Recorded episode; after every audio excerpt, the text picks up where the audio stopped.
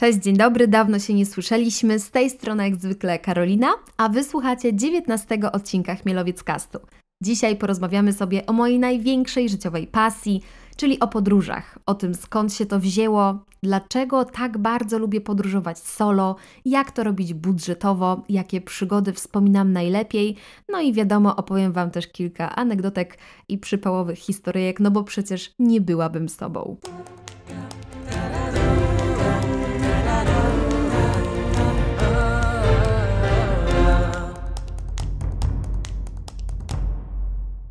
Zupełnie szczerze uważam, że ja już urodziłam się z genem podróżnika. Po prostu dostałam go od swoich rodziców, dlatego że oni, żeby się spotkać, musieli wyfrunąć ze swoich rodzinnych miast, musieli pokonać ogromną odległość, zupełnie wyjść ze swojej strefy komfortu i do tego podjąć się pracy, która wymaga przemieszczania się z miejsca na miejsce. I kiedy ja się urodziłam, oni wcale nie zmienili tej pracy, tylko zabierali mnie ze sobą. I w taki oto sposób wychowywałam się w wielkim, wesołym miasteczku. W takim lunaparku, który wiecie, przyjeżdżał do jakiegoś miasta, rozkładał wszystkie swoje atrakcje i karuzele na dwa, trzy tygodnie, podczas kiedy pracownicy mieszkali sobie właśnie w kempingach, w kamperach, a po tym czasie się składali i jechali dalej. Więc dokładnie tak wyglądało pierwsze 7-8 lat mojego życia. Ja nie wiedziałam, jak to jest mieszkać cały czas w jednym miejscu, i wydawało mi się, że to jest zupełnie normalne i naturalne, że ludzie mieszkają w kamperach i jeżdżą sobie po świecie. No, okazało się, że niekoniecznie. I teraz z perspektywy czasu niesamowicie jestem rodzicom wdzięczna za to doświadczenie, dlatego że od dziecka byłam uczona mm, tolerancji, akceptacji, otwartości i tego, że że trzeba dostosowywać się do panujących warunków, więc moim zdaniem ja na starcie dostałam bardzo solidny grunt do tego, aby w przyszłości być podróżniczką z krwi i kości. No a co się stało po tym, jak moi rodzice zmienili tę pracę?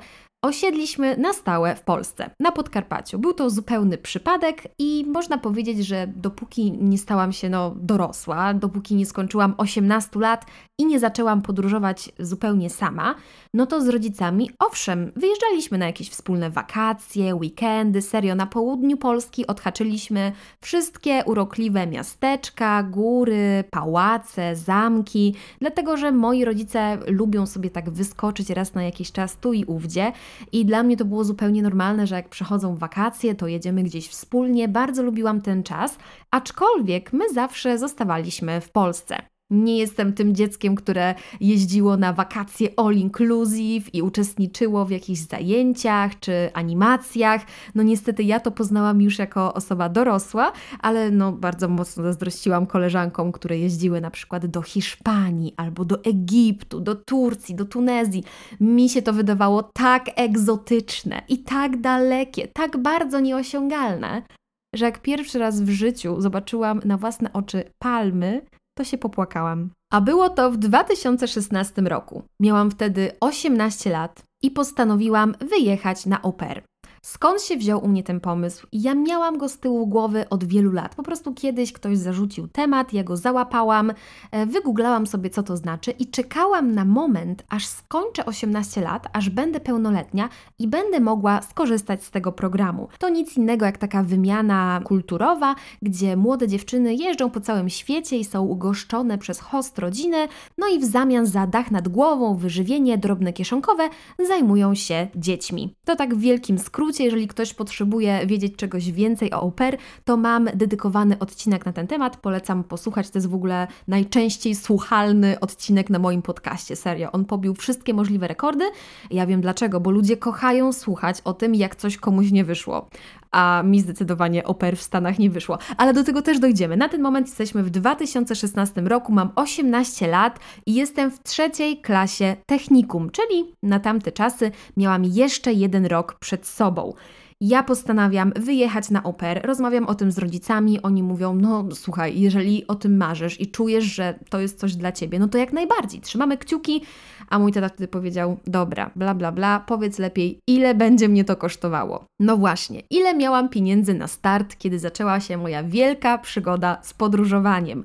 Słuchajcie, miałam jakieś 200 zł na koncie. Nie wiedziałam w ogóle za co się wziąć, jeżeli chodzi o operkowanie, więc po prostu wpisałam tę frazę w Google, znalazłam pierwszą, lepszą, tańszą agencję, która umożliwiała taki wyjazd nie na cały rok do Stanów czy Australii, tylko właśnie na parę miesięcy, na lato, jakby takie summer au pair na terenie Europy. No i znalazłam, że taka usługa tam kosztowała chyba 500 z czymś złotych, czyli samo to, żeby agencja skontaktowała mnie z jakąś rodziną w Hiszpanii, która może mnie przyjąć, kosztowała mnie kilkaset złotych, gdzie rok później, spoiler alert, zrobiłam to zupełnie za darmo na Facebooku w parę minut. No ale dobra, byłam jeszcze młoda, niedoświadczona, trochę się cykałam, no bo to miał być mój pierwszy wyjazd tak daleko i sama, i za i na tak długo, i bez rodziców, więc czułam, że agencja jest takim zabezpieczeniem, no i poniekąd opieką za granicą. No i mój tata powiedział, że no słuchaj, uzbieraj tyle kasy, ile dasz rady, a my ci resztę dołożymy. Jasne, jedź, spełniaj swoje marzenia, niech to będzie nasz y, prezent urodzinowy dla ciebie. Ja mam w ogóle super szczęście, bo ja mam urodziny w lecie i właśnie zawsze latem mam jakieś y, szalone pomysły na kolejne podróże, no i zawsze rodzice dokładają jakąś tam cegiełkę w postaci na przykład nowego plecaka, czy namiotu, czy dofinansowania do y, samolotu, y, właśnie dlatego, że mam wtedy urodziny. Także serio, w czepku urodzona. Dobra, Karolina, skup się. Mamy kwiecień 2016 roku, ty jesteś w trzeciej klasie technikum i właśnie dostajesz ofertę od pierwszej tak naprawdę rodziny, która chce Cię do siebie zaprosić jako au pair. I ja patrzę, Walencja, Hiszpania, jedno dziecko, 11 lat. Miałam takie podstawowe informacje. Oczywiście pierwsze co, no to wstukuję w Google Walencja, no bo nigdy nie byłam w Hiszpanii, nigdy nie byłam w takim egzotycznym, ciepłym kraju, e, dlatego że w tym kempingu to my podróżowaliśmy głównie e, po Rosji, czyli to jest jakby no, ostatni kraj, który określilibyśmy egzotycznym czy ciepłym. Ale dobra, wracając do tematu. Wygooglałam sobie, czym jest ta Walencja, no i moim oczom ukazuje się miasto ze snów. Oczywiście wiecie, Google Grafika, totalna amatorszczyzna, ja w ogóle sprawdzam na mapie, gdzie jest Hiszpania i gdzie jest Walencja. Okazuje się, że to jest trzecie największe miasto w Hiszpanii. Ja oczywiście cała w skowronkach. Pamiętam do tej pory, jak przeglądałam zdjęcia Walencji w Google i zawołałam oczywiście moich rodziców i mówię, nie no, to jest to, ja już nie czekam na żadną inną ofertę, to jest to, ja muszę tam pojechać, to jest wielka miłość, tam są palmy i tam jest ciepło i to jest trzecie największe miasto Hiszpanii, więc super. No i po prostu pojechałam. No ale to nie było takie proste, dlatego że oni chcieli operkę już od maja. Ja przypominam, powiedziałam to już jakieś 10 razy, powiem 11. Byłam wtedy w trzeciej klasie technikum. Wiadomo, rok szkolny trwa do końca czerwca. No więc co musiałam zrobić? Załatwić ze wszystkimi nauczycielami to, że mogę zdać ich przedmiot wcześniej, przed terminem. Musiałam przenieść swoje egzaminy zawodowe na przyszły rok. Czyli zamiast wziąć w nich udział w pierwszym terminie, ja miałabym je pisać dopiero wtedy, kiedy cała reszta miałaby poprawkę. Więc to też nie było takie proste, no bo to jest egzamin zawodowy, nie, nie że w szkole się to organizuje, tylko to jest odgórne, trzeba było pójść do dyrektora i załatwić jakieś pozwolenia, tiruriru, bla bla bla. Musiałam wcześniej pozdawać wszystkie przedmioty i tak dalej, więc wymagało to ode mnie naprawdę determinacji, ambicji do tego, aby wyjechać, ale ja nawet przez moment się nie zawahałam i nie pomyślałam, nie no, szkoła, egzamin to jest ważniejsze, a co jak mnie nie puszczą, a co pomyślą, a stracę materiał, a w przyszłym roku matura? Nie, w ogóle. Mi tak bardzo zależało na tej podróży, że to wszystko się w ogóle nie liczyło. Ja z góry założyłam, że tam wyjeżdżam i koniec. I podchodziłam do nauczycieli z niesamowitą e, pewnością siebie, wręcz taką buńczucznością w stylu no ja niestety wyjeżdżam w połowie maja, dlatego że jadę do Hiszpanii, wobec czego muszę zdać przedmiot już teraz. E, co mogę zrobić? Teraz? Obecnie? Chyba bym się trochę cykała. Także uważam, że tamta Karolina naprawdę miała jaja. No i co? Rodzice pożyczają mi hajs, uiszczamy opłatę agencyjną, dogaduję się z rodzinką, kupujemy bilet na samolot, a to był mój pierwszy samotny lot w życiu. Wcześniej latałam tylko z rodzicami, właśnie z całą rodziną. No i do tego ten lot był z przesiadką, dlatego że właśnie wtedy jeszcze nie było bezpośredniego lotu z Polski do Walencji. Miałam przesiadkę w Mediolanie i do tego, żeby wyszło taniej, no to ta przesiadka była nocą. Więc to w ogóle był jakiś szalony pomysł, dlatego że ja, bez internetu w telefonie, wylądowałam w tym Mediolanie, we Włoszech, gdzie ja nigdy we Włoszech nawet nie byłam, wiadomo. Stwierdziłam, że nie będę brała żadnej taksówki, tylko sama dam radę dojść pieszo do mojego, no wtedy jeszcze nie było Airbnb. Wynajęłam na jedną noc pokój w hoteliku na bookingu, jakiś bed and breakfast, no i jedyne co miałam ze sobą to wydrukowaną mapę Google na której narysowałam sobie trasę długopisem z lotniska do tego miejsca. Oczywiście moja wewnętrzna cebula i tak naprawdę brak takiej orientacji jeszcze i brak doświadczenia w podróżowaniu nie pozwoliły mi wziąć żadnej taksówki ani z tych rzeczy. Stwierdziłam, że dam sobie radę sama. I teraz z perspektywy czasu, no jestem w szoku. Patrząc na papierową mapę, jakby wydrukowaną z neta, wiedziałam w ogóle, w którą stronę iść, jeszcze z walizką i faktycznie doszłam tam i byłam z siebie już zajebiście dumna, bo to już była połowa mojego sukcesu. Na drugi dzień wstałam wcześnie rano, normalnie doszłam też na lotnisko. No i chyba nie muszę Wam mówić, jak wygląda najczęściej okolica lotniska. To jest przecież dzielnica industrialna, przemysłowa, tam jest mnóstwo różnych fabryk, nie ma chodników, to jest zazwyczaj teren dostosowany tylko i wyłącznie do poruszania się samochodem, nie? No bo kto normalny idzie pieszo na lotnisko? No wydaje mi się, że niewiele osób, e, więc e, taką miałam właśnie przygodę. No, ale dobra, Karolina, bo Ty masz jeszcze 6 lat do, do opowiedzenia, więc, więc szybciej. No ale wiecie, ta pierwsza podróż najbardziej sentymentalna, nigdy nikomu o tym nie opowiadałam, więc chciałam się trochę przed Wami otworzyć. Finalnie ląduję w Walencji i dostaję SMS-a od mojej hostki, że niestety nie da rady mnie odebrać, ale wysłała jakiegoś taksówkarza, który powinien tam stać, wiecie, z kartką z moim nazwiskiem. No i faktycznie stał, no ja już po prostu cała podjarana. To jest scena jak z filmu, wiecie, ja wychodzę z hali przylotów, widzę jakiś taksówkarz, wiecie, taki typowy Hiszpan, trzyma kartkę, nazwisko, chmiel Za oknem słońce, palmy, upał. To, to był maj, gdzie w Polsce, no w maju jest taka pogoda, no no nie aż taka hiszpańska, wiadomo.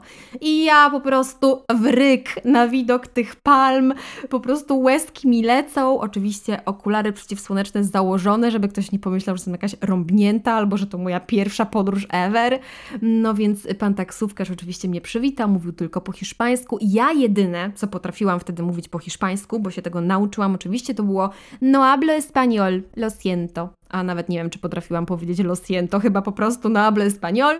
Ziomeczek zaprowadził mnie do samochodu, odwiózł do domu, tam już powitała mnie moja host rodzina i w ten oto sposób zaczęła się moja wakacyjna przygoda. Byłam tam od połowy maja do połowy sierpnia i to był naprawdę super czas, dlatego że oczywiście miałam jakieś tam swoje obowiązki, musiałam przygotować codziennie obiad dla mojego host dziecka albo zaprowadzić je na zajęcie dodatkowe, pojechać autobusem na stadion na drugim końcu miasta, gdzie miała jakieś akrobatyki, biegi, nie wiadomo co, pójść z nią raz w tygodniu na zajęcia jazdy konnej czy na chór, ale tak ogólnie na co dzień, no ta dziewczyna była taka w miarę ogarnięta i samodzielna, wiecie, miała 11 lat, więc rano ona sobie sama wstawała i robiła śniadanie, sama sobie szła do szkoły, potem wracała właśnie na lunch, no i po południu miałyśmy jakieś tam wspólne zajęcia, weekendy najczęściej miałam wolne, więc naprawdę żyć, nie umierać, zarabiałam wtedy 85 euro tygodniowo i jak na stawkę au pair w tamtych czasach, to było dosyć sporo. Nie wiem, jak operki w Hiszpanii zarabiają teraz, ale wtedy pamiętam, że jedna z moich koleżanek zarabiała na przykład tylko 50 euro tygodniowo albo której zarabiała 65, także naprawdę moje 85 to było sporo. I ja się czułam, jakbym wygrała życie. Na wszystko było mnie stać, mogłam sobie chodzić z koleżankami do knajpek, robiłam sobie tam zakupy. No serio, żyć, nie umierać. No i przede wszystkim poznałam Walencję i się w niej zakochałam. No i przede wszystkim poznałam kilka studentek, które przyjechały na Erasmusa do Walencji i na tyle zakochałam się w ich opowieściach i w tym mieście, że obiecałam sobie, że kiedyś na tego Erasmusa właśnie do Walencji pojadę. Czy to się uda? Dowiecie się już po przerwie, bo muszę iść siku. Zaraz wracam!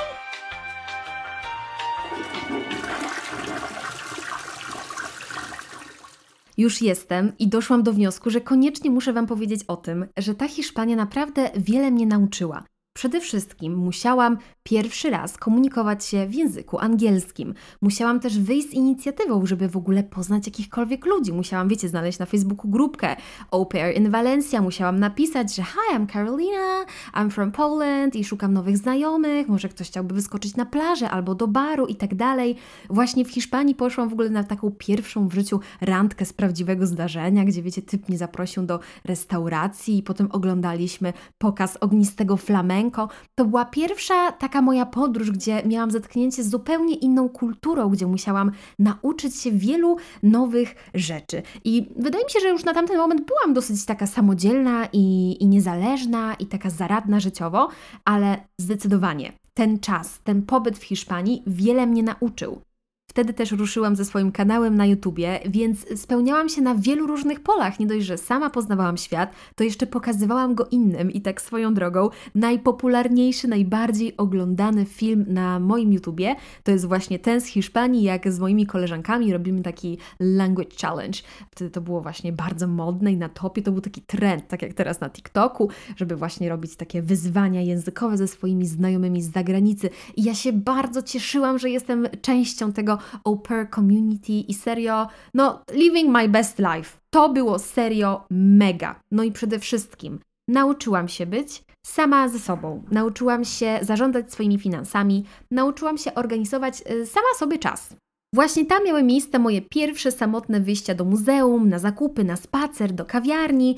No i powiem Wam szczerze, bardzo polubiłam ten lifestyle, no ale mój pobyt dobiegł końca, trzeba było wrócić do Polski, a wracałam analogicznie do mojej podróży do Hiszpanii, czyli Walencja, Bergamo, Kraków. Tylko, że tym razem moja przesiadka zamiast całonocna była całodniowa, więc oczywiście postanowiłam, że nie chcę marnować dnia, tylko wyruszę do Mediolanu, żeby poznać miasto, a nie tylko siedzieć na lotnisku. Swoją drogą, z perspektywy czasu, wydaje mi się to absurdalne, że te kilka lat temu na jedną noc wynajęłam sobie pokój w hotelu, zamiast po prostu przekimać na lotnisku. Ale wiecie, to była jeszcze wtedy amatorszczyzna i byłam taka młoda i niewinna i nie znałam świata, a teraz, no co no, gleba pod ławką na lotnisku i spanko. No ale dobra, wracamy sobie do tego pięknego, pamiętnego dnia. Mamy połowę sierpnia, Karolina ląduje na lotnisku w Bergamo, bierze pierwszy lepszy autobus, jedzie do Mediolanu i tam poznaje chłopaka, który zabiera ją na taki typowy włoski lunch do typowej włoskiej pizzerii, gdzie jest głośno, gorąco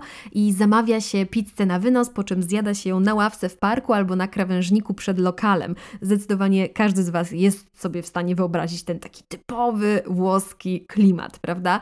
Było bardzo miło, ziomeczek też mnie oprowadził po głównych atrakcjach centrum miasta. Po godzinie musiał już wracać do swoich obowiązków, dlatego że do Mediolanu przyleciał z Niemiec, w ramach realizowania praktyk studenckich, a studiował jakąś bankowość, rachunkowość, no coś takiego, wiecie, ważniackiego.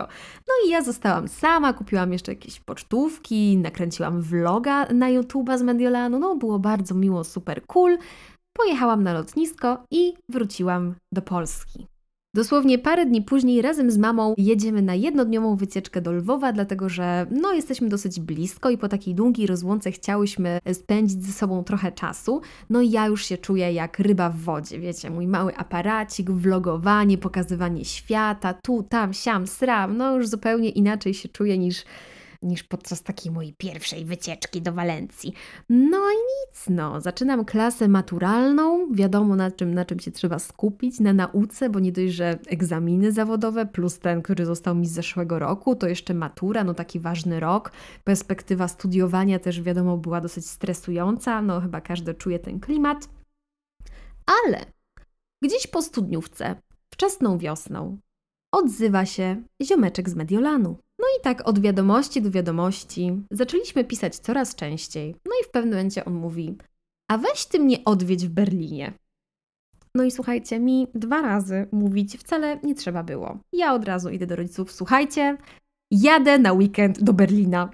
Wyskrobałam sobie jakieś tam oszczędności. Okazało się, że Ryanerem można polecieć bezpośrednio z Rzeszowa i to dosyć tanio. I w taki oto sposób Karolina w 2017 roku, mając 19 e, lat, leci na swojego pierwszego city breaka. No i cóż, no wam powiem, no tak nam się dobrze razem rozmawiało, spacerowało i myślało. o nie no, bez sensu no.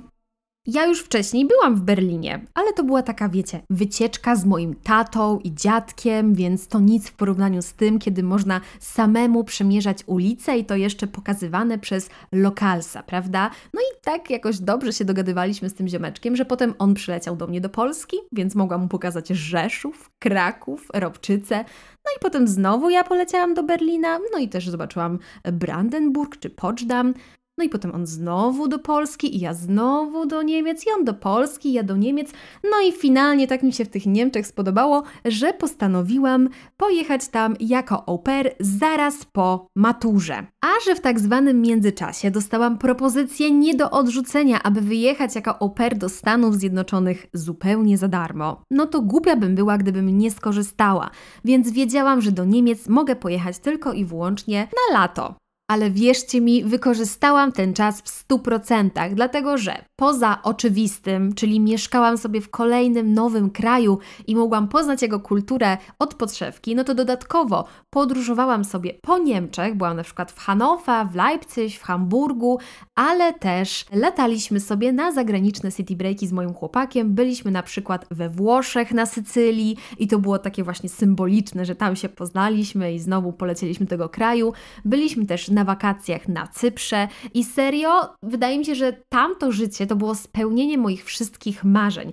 Miałam też tam wtedy swoje 20 urodziny, no i living my best life, no, no co mogę Wam powiedzieć? Po powrocie do Polski z kolei załapałam się jeszcze na wakacje z moimi rodzicami, pojechaliśmy całą rodziną na takiego road tripa z Polski do Bułgarii, więc y, jechaliśmy przez Słowację, Węgry, Rumunię, no serio, to był rok pełen przygód. Inaczej nie jestem w stanie tego opisać. Mega się wtedy napodróżowałam. No i przede wszystkim w sierpniu wyruszyłam na moją przygodę życia do Stanów Zjednoczonych.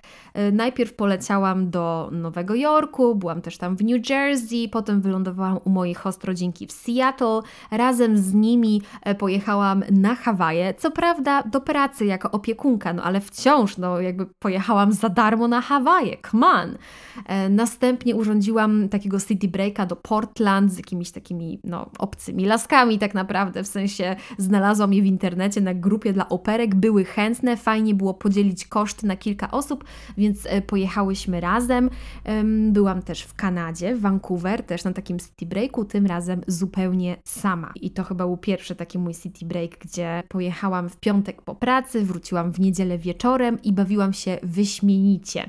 Chociaż nie obeszło się bez przypału, dlatego że jak już miałam wracać z powrotem do Seattle, e, no to okazało się już na etapie wsiadania do autobusu, że ja kupiłam e, bilet powrotny nie na tą datę, co trzeba było.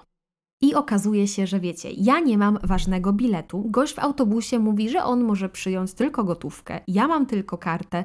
Autobus już chce odjeżdżać, ludzie się wkurzają. Ja cała spanikowana, zestresowana, mówię: Dobra, no to niech pan poczeka, błagam, biegnę do bankomatu. Oczywiście, bankomat co? Nie działa. Ja nie mam gotówki, nie wiem skąd mam ją wziąć. Wracam do tego autobusu, już po prostu prawie we łzach. No i typ mówi: Dobra, niech pani wsiada, nie trzeba żadnego biletu, jakby, no już trudno. Także serio upiekło mi się, ale wtedy no miałam całe życie przed oczami, dlatego że tego samego dnia w niedzielę wieczorem jeszcze miałam pracować jako pair. Obiecałam hostom, że mogą y, sobie jeszcze pójść na randkę w niedzielę wieczorem, więc wrócę tak, żeby być. A tu nagle taki przypał, nie? Przecież jakbym im powiedziała, ej słuchajcie, nie mam jak wrócić z Kanady, no to chyba by mnie wydziedziczyli. No ale dobra, jakby whatever. W grudniu mam rematch, przeprowadzam się z Seattle do Maryland, właściwie donikąd, to jest niedaleko Washington DC, paskudna okolica, już bym w życiu nie chciała tam pojechać. Trochę przez to, że mam traumę po, po moich przygodach i wydarzeniach, a trochę dlatego, że tam było po prostu nudno i, i tam nie było nic ciekawego i sam Waszyngton też nie bardzo mi się podobał, bo on był taki bardzo europejski, ale jednak rozlazły i ogromny jak Stany, w sensie jak typowe miasto w w, US. No więc e, no, no średnio, średnio. No ale dobra, jakiś tam sentyment pozostał. E, pamiętam, że miałam kolejnego city breaka, tym razem do Atlanty w stanie Georgia. No i tam pierwszy raz zetknęłam się z czymś takim, że byłam jedyną osobą, na przykład w autobusie, która była biała. Na tamten moment tego nie wiedziałam, że stanowcza większość mieszkańców Atlanty to są właśnie osoby czarne, więc to też było dla mnie coś takiego nowego i coś, z czym trzeba było się najnormalniej w świecie oswoić. Ale pamiętam, że super było na tym weekendzie, bo poza tym, że zwiedziłam e, miasteczko, które udaje Mystic Falls w pamiętnikach wampirów, to jeszcze dodatkowo z koleżankami poszłyśmy do Muzeum Coca-Coli, gdzie ja no nie jestem jakąś wielką fanką, no to w momencie, jak można było sobie bez limitu spróbować 100 różnych napojów tego koncernu, no to było dosyć ciekawe, prawda? E, no i co się jeszcze tam wydarzyło? No w tak zwanym międzyczasie już mamy nowy rok, 2018. E, ja przeprowadzam się z Maryland do Chicago, po drodze jeszcze troszeczkę pomieszkuję sobie w Nowym Jorku, no i do mnie do Stanów przylatuje moja mama. I właśnie wtedy zaczynamy nasz miesięczny trip po Stanach. Jak to wyglądało? No, usiadłyśmy razem, zobaczyłyśmy, ile ona ma kasy na koncie, ile ja mam kasy na koncie, no i po prostu poszukałyśmy najtańszych lotów dokądkolwiek i to jeszcze gdzieś, gdzie najlepiej jest ciepło, dlatego że moja mama przyjechała do mnie wczesną wiosną, a mimo to zarówno w Nowym Jorku, jak i Chicago było okropnie, paskudnie zimno. Nie wiem, czy, czy wiecie w ogóle o tym, ale Chicago nazywa się właśnie wiecznie wietrznym miastem i tam było zimniej niż gdziekolwiek, kiedykolwiek byłam. No a moja rodzina pochodzi z Syberii, więc skoro nawet moja mama stwierdziła, że to Chicago i ten wiatr paskudny, okropny, zimny tnie niczym nożem, to znaczy, że serio to musiała być zimna zima.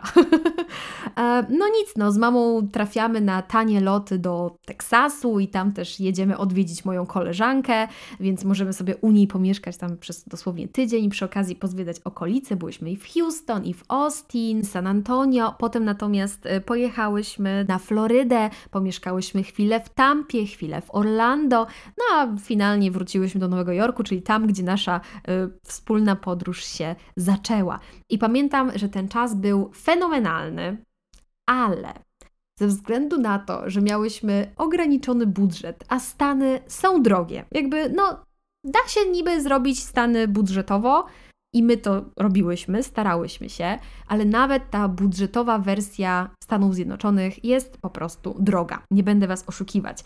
Więc spałyśmy w tak paskudnych, okropnych Airbnb, jakich nigdy w życiu już nigdzie nie widziałam. Dlatego, że nie wiem, czy wiecie, ale generalnie geneza tej aplikacji i w ogóle tego sposobu na tani nocleg y, wzięła się stąd, że jeżeli ktoś miał tak zwany spare room w, w, domu, czyli taki pokój gościnny, który jest na co dzień nieużywany, to mógł go właśnie wystawić na Airbnb, bed and breakfast. Świadczy, że ktoś przyjeżdża wieczorem na kąpiel i spanko i rano ewentualnie je śniadanko i wypad. No więc często te pomieszczenia wyglądały okropnie I, i ja w ogóle na przykład w Kanadzie, w Vancouver, słuchajcie, w Airbnb to spałam na takim pojedynczym tapczanie, który był w salonie z kuchnią, w takiej wspólnej przestrzeni, odgrodzonej takim, nie wiem jakby to powiedzieć, w Simsach jest taki mebel, że tam za tym się można przebierać, takim, no takim czymś, wiecie, no po prostu takie coś, z tektury na środku pokoju i za tą tekturą kawałek łóżka i ja tam spałam i ja za to płaciłam, nie? E, jakby stąd pochodzi Airbnb i Airbnb do tej pory w Stanach tak wygląda. To w Europie, mm, nie wiem, przyjęło się tak, że się po prostu kupuje wielkie nieruchomości, jakieś kurwa ekskluzywne i się daje je na Airbnb, ale nie wydaje mi się, że w Stanach wiedzą o tym. W każdym razie nie, jeżeli wasz budżet na noc to jest, nie wiem, 20-40 dolarów od osoby, nie? E, no w każdym razie pamiętam pamiętam niejednokrotnie w tych noclegach było po prostu zimno, brudno, paskudnie, ciasno, albo na przykład nie było ciepłej wody, albo było tak brudno, że aż klejąco, albo czasami trzeba było płacić za każdą saszetkę soli.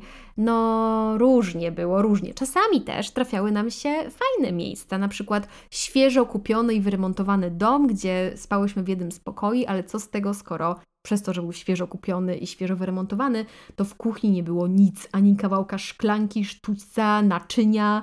No pamiętam, że musiałyśmy wtedy improwizować, jeżeli chodzi o jakieś tam śniadanka. I w gratisie dostałyśmy też wszystkie możliwe dźwięki remontowanego mieszkania, czyli stukanie, pukanie, wiercenie, przenoszenie mebli, rozpakowywanie jakichś kartonów. No serio, super klimat. W Orlando natomiast zupełnie nieświadomie wynajęłyśmy pokój w domu w czarnej dzielnicy, więc kiedy wracałyśmy z miasta autobusem, no to byłyśmy jedynymi białymi osobami w nim, także trochę taka powtórka e, z rozrywki w Atlancie. A kiedy szłyśmy przez osiedle, to autentycznie z podwórka przybiegały do nas dzieciaki, żeby na nas popatrzeć, no bo byłyśmy białe, tak, no dosyć nietypowe. Natomiast w Chicago, no również nieświadomie, wynajęłyśmy pokój w mieszkaniu w takiej latynoskiej dzielnicy kamienicy, więc od rana do nocy można było słuchać e, krzyków jakiejś pani z parteru. No wiadomo, jak to latynosi są tacy głośni, mocno tacy ekstrawertyczni i no i głośno, no co mam Wam jeszcze powiedzieć. Nasza przygoda w Stanach z mamą dobiegła końca. Zwieńczyłyśmy ją zdecydowanie pamiątką na całe życie, bo mamy matching tattoo, z którym ma bardzo zabawną historię. Może Wam kiedyś opowiem, może nawet Wam kiedyś pokażę. No i po powrocie do Polski ja już wiedziałam, że nie dam rady mieszkać dłużej z rodzicami, dlatego że niezależnie od tego, jakbym za nimi nie tęskniła, ich nie kochała, no to jednak po gap year, po roku spędzonym, właściwie ponad roku spędzonym e, poza domem, no już nie potrafiłam ani mieszkać w tak małym mieście jak Robczyce, bo się tam dusiłam, ani mieszkać z moimi rodzicami. Już byłam po prostu na to zbyt niezależna i samodzielna i miałam już pomysł na siebie. Całe szczęście miałam jakieś tam oszczędności na koncie ze Stanów, więc przeprowadziłam się do Krakowa. No i ze względu na to, że byłam wtedy w takim zamrożeniu, bo byłam jeszcze przed szukaniem pracy i przed rekrutacją na studia, e, no to miałam dużo czasu wolnego i w ten oto sposób znalazłam w otchłani internetu konkurs, w którym oczywiście postanowiłam wziąć udział. Był to konkurs organizowany przez EF, czyli Education First. To jest taka sieć szkół językowych na całym świecie, która organizuje takie kilkutygodniowe, czasem nawet kilkumiesięczne kursy językowe, no takie bardziej ekskluzywne, że tak powiem. I to zawsze było, pamiętam, bardzo drogie. Do nas do domu przychodziły pocztą, tradycyjną pocztą, takie katalogi właśnie z IF i pamiętam, że patrzyłam na te wszystkie miejsca w stylu, nie wiem, Miami, RPA, Australia. No i mi się wydawało, że to jest tak nieosiągalne, że to są tak drogie kursy i tak dalekie miejsca, że nigdy w życiu nas nie będzie stać. No i faktycznie, no, no, no, nigdy mnie nie było na to stać, ale wzięłam udział w ich konkursie na testera wyjazdów językowych. To była pierwsza edycja tego konkursu. Stwierdziłam, no spróbujemy. No i pierwszy etap to było wklejenie jakichś tam zdjęć na Insta i jakiś tam opis, nie? No i dostałam się do następnego etapu. Drugi etap to było nakręcenie minutowego filmu, jak się spędza dzień w jakiś tam kreatywny sposób. Dostałam się. No i na trzecim etapie to już jakby jury wyłaniało zwycięzcę. No i moi drodzy, wygrałam. No, co mogę Wam powiedzieć? E, teraz z perspektywy czasu wydaje mi się, że w tamtym etapie mojego życia miałam tyle szczęścia, że ja już po prostu wyczerpałam limit i dlatego teraz jest jak jest. Wygrałam miesięczny kurs języka angielskiego w Singapurze. I moją wygraną były zarówno loty, ubezpieczenie, mieszkanko tam u jakiejś lokalnej rodziny, sam kurs językowy, który kończył się certyfikatem, no i 5000 zł kieszonkowego. Moi drodzy, dla mnie na tamten czas te 5000 zł to były tak ogromne pieniądze, że nie dość, że ja wymieniłam część na dolary, zabrałam ze sobą do Singapuru i niczego nie musiałam sobie odmawiać, to jeszcze trochę mi zostało, pamiętam. Także miałam na start życia w Krakowie. No, no super to było, zwłaszcza, że ja marzyłam wtedy o Singapurze. A skąd mi się wziął ten Singapur? Dlatego, że w Stanach, jak byłam taka mocno ambitna i chciałam być prozdrowotna i chodziłam na siłownię, to żeby, no bo ja nie przepadam za bardzo za takim ruchem e, fizycznym i aktywnością taką, żeby jakoś to przetrwać, to słuchałam sobie na słuchawkach podcastów. I słuchałam podcastów azjatyckiego cukru. Słuchałam podcastów Basi i Sławka, którzy właśnie mieszkali i wciąż zresztą mieszkają w Singapurze. I ja się tak zakochałam w tym miejscu, nawet go nie widząc, tylko słysząc ich opowieści, że kiedy widziałam, że taki konkurs jest i że jest taka perspektywa i mini szansa, że ja mogłabym tam pojechać, to ja byłam przeszczęśliwa. I powiem Wam zupełnie szczerze, że od samego początku, jak tylko wzięłam udział w tym konkursie, to ja serio czułam, że ja go wygram. Naprawdę, ja już nawet sobie tak układałam e, plany na lato, żeby był ten miesiąc, kiedy mogę polecieć do Singapuru. Pamiętam, że wtedy właśnie chłopak, z którym się wtedy spotykałam, powiedział: Dobra, daj spokój i tak tego nie wygrasz, po co się tak starasz. No i co kurwa, głupio ci? Mam nadzieję, że tak, dlatego że ten miesiąc w Singapurze był ekstra. Po pierwsze, Pojechałam tak daleko, no i tak, tak bardzo sama, bez nikogo, i, i to już nie było tak, że ktoś mnie spotka na miejscu, tylko przyjadę i muszę sobie radzić sama. To już nie jest, wiecie, au pair. No i dodatkowo zupełnie za darmo, jakby nie poniosłam absolutnie żadnych kosztów, więc to było żyć i nie umierać. Na dodatek poza tym, że spędziłam te 4 tygodnie w Singapurze, to jeszcze pojechałam sobie na City Break, oczywiście moje drugie imię to w ogóle City Break, do Malezji, do Kuala Lumpur, gdzie ja wcześniej nawet nie wiedziałam, gdzie jest Malezja na mapie, więc no to było super. Mój przeciętny dzień wyglądał tak, że rano sobie wstawałam, jadłam jakieś śniadanko u moich hostów, w których mieszkałam, e, no a następnie jechałam metrem, pamiętam, z jedną przesiadką do mojej szkoły językowej. Miałam normalnie zajęcia od rana do popołudnia z przerwą lunchową, gdzieś tam w połowie, gdzie się szło na przykład do Chinatown, na jakieś takie uliczne jedzonko, taki klimat, no i potem e, z powrotem na zajęcia, wieczory, no to albo mieliśmy jakoś organizowane ze szkoły, na przykład był kurs gotowania takich chińskich pierożków, albo wyjście na karaoke e, i tak dalej, albo już organizowałam sobie sama jakieś wycieczki e, po mieście. Nie wiem, czy wiecie, ale Singapur to jest jakby miasto-państwo i, i, jest przepiękne. I, I pierwszy raz też byłam w takich, no, można powiedzieć, tropikach, dlatego że to już jest Azja, więc no fenomenalne to było i bardzo się cieszę, że wtedy zaryzykowałam i wzięłam udział w tym konkursie. Wracam z Singapuru do Krakowa, podejmuję się studiów w języku angielskim. To był Film and TV Production Management na KA i już wtedy postanawiam, że ja muszę pojechać na Erasmusa. Że tak naprawdę ja idę na te studia tylko po to, żeby pojechać na Erasmusa. No i faktycznie, moi drodzy, mamy 2019 rok, nie dość, że pierwszy raz w życiu jedziemy całą rodziną na wakacje all inclusive do Turcji, więc odhaczam sobie nowe państwo i nowe doświadczenie, no bo wiecie, all inclusive w Turcji było naprawdę mega, mega, mega, mega. Nie mogę w ogóle narzekać. Często wiem, że ludzie mówią, że mm, na przykład pięć gwiazdek u nas, a pięć gwiazdek tam to jest zupełnie co innego, niebo a ziemia, że często jest syf, że jest beznadziejne jedzenie, codziennie to samo. No cóż, u nas jedzenie wyśmienite. Hotel zajebisty, basen super. Woda w morzu ciepła jak zupa. Pogoda codziennie palnik. No naprawdę fenomenalny był to pobyt, gdyby nie to, że A, po pierwsze zgubiłam swoje ulubione okulary, a B, po drugie, ostatni dzień wyjazdu spadł mi telefon z rąk na molo. Nie utopił się, jakby miałam ten telefon nadal, no ale się zepsuł i padł. No nic, w każdym razie bardzo fajny był to wyjazd, niesamowicie miło wspominam te wakacje, no ale trzeba było wrócić do Polski, natomiast nie zostałam w niej zbyt długo, dlatego że zaraz potem wyjechałam na Erasmusa. I teraz pytanie, kto pamięta, jak wspomniałam na początku tego odcinka właśnie o Erasmusie?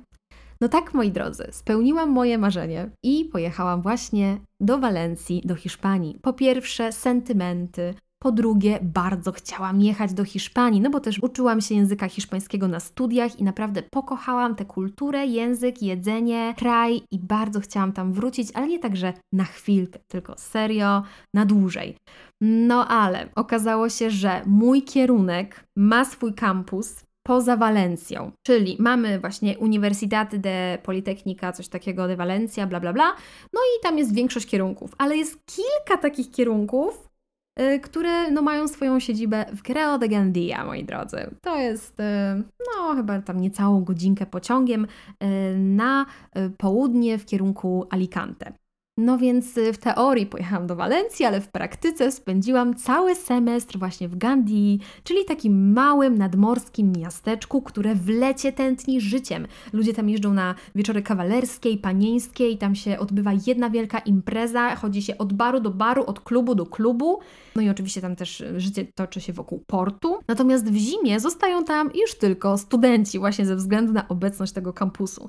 Ale to była naprawdę zajebista przygoda. Z ręką na na sercu, podsumowując to, co działo się do tej pory i co będzie się działo później, uważam, że to był jeden z najfantastyczniejszych momentów mojego życia. Właściwie nie tyle momentów, co etapów, no bo byłam tam przecież przez kilka miesięcy, bo nie musiałam pracować, jakby nie pracowałam, więc już nie byłam oper, nie miałam nikogo pod sobą, kim trzeba się zajmować, nie miałam żadnych takich obowiązków wynikających właśnie z jakiegoś zatrudnienia. Miałam po prostu hajs od Unii Europejskiej plus moje oszczędności i żyłam najlepszym życiem. Studentki, która za dnia oczywiście pilnie się uczy i spędza mnóstwo godzin na uczelni w bibliotece, natomiast nocą imprezuje i świetnie się bawi. To był bardzo, bardzo fajny i przede wszystkim potrzebny etap w moim życiu, bo ja wcześniej w ogóle nie imprezowałam, nie wiedziałam jak się imprezuje i totalnie no nie czułam tego klimatu. Zresztą o czym my mówimy? W pierwszym tygodniu mojego Erasmusa dzwoniłam do mojej mamy i się skarżyłam, że tu wszyscy tylko piją i palą i imprezują i mam tego dosyć, już chce mi się spać.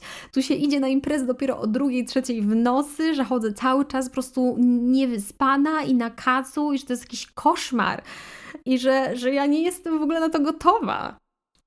Tymczasem Karolina po paru tygodniach, pierwsza do organizowania jakichś domówek i, i, wracająca do domu o wschodzie słońca, tylko przebierająca się, po czym od razu pyk na uczelnię. No to był fenomenalny czas. I zupełnie serio, nie rozumiem, dlaczego ktoś idzie na studia, a nie jedzie na Erasmusa. Nawet to nie jest kwestia tego, że Erasmus to jest wieczna impreza. Wcale nie trzeba imprezować. Byli z nami tacy studenci, którzy nie imprezowali, ale korzystali z innych przywilejów, na przykład z jakichś podróży, z wycieczek albo po prostu z mieszkania za granicą. Można też wybrać sobie jakiś mniej imprezowy kraj, na przykład Skandynawię albo, no nie wiem, Francję, Niemcy. Wydaje mi się, że oni chyba nie imprezują tak dużo jak. Yy jak Hiszpanię, albo można wybrać sobie kraj, gdzie jest na przykład troszeczkę taniej i pojechać mm, do Estonii, na Litwę, Łotwę. No generalnie słuchajcie, sky is the limit. Serio, ja wybierałam między Grecją, Włochami, a Hiszpanią. No i mój wybór był oczywisty. I właśnie na Erasmusie y, mogłam sobie przetestować kolejny sposób podróżowania, czyli road tripy ze znajomymi. Pojechaliśmy do wypożyczalni, wynajęliśmy samochód, pojechałyśmy właściwie w siedem dziewczyn w siedmioosobowym aucie. Miałyśmy bardzo ograniczony bagaż na parę dni, na weekend, na północ Hiszpanii. Parę tygodni później z kolei pojechałyśmy w piątkę takich moich najbliższych koleżanek na południe Hiszpanii. No to też był w ogóle fenomenalny sposób na to, aby też podszkolić swoje skille prowadzenia samochodu, które swoją drogą e, przydają mi się teraz. Ale to, co jest teraz, to będzie za chwilę, dlatego że moi drodzy, Mamy 2019 rok, końcówkę, grudzień ja z bólem serca i we łzach wracam do Polski.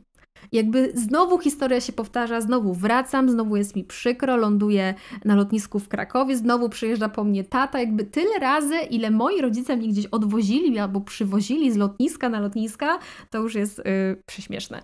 No i ja wracam, taka zaryczana, zapłakana, bo to było takie super i mieszkałyśmy sobie w takim fajnym mieszkaniu z dziewczynami, mieszkanie z basenem, dwupiętrowe, ogromne, każdy miał swój pokój z łazienką, no za taką cenę w Polsce nigdzie nie widziałam y, takich okazji. No i, i tak naprawdę wieczna impreza i codziennie się coś dzieje, codziennie jakieś domówki, zawody w birponga, no niesamowity klimat i to zrozumie tylko ktoś, kto był na Erasmusie.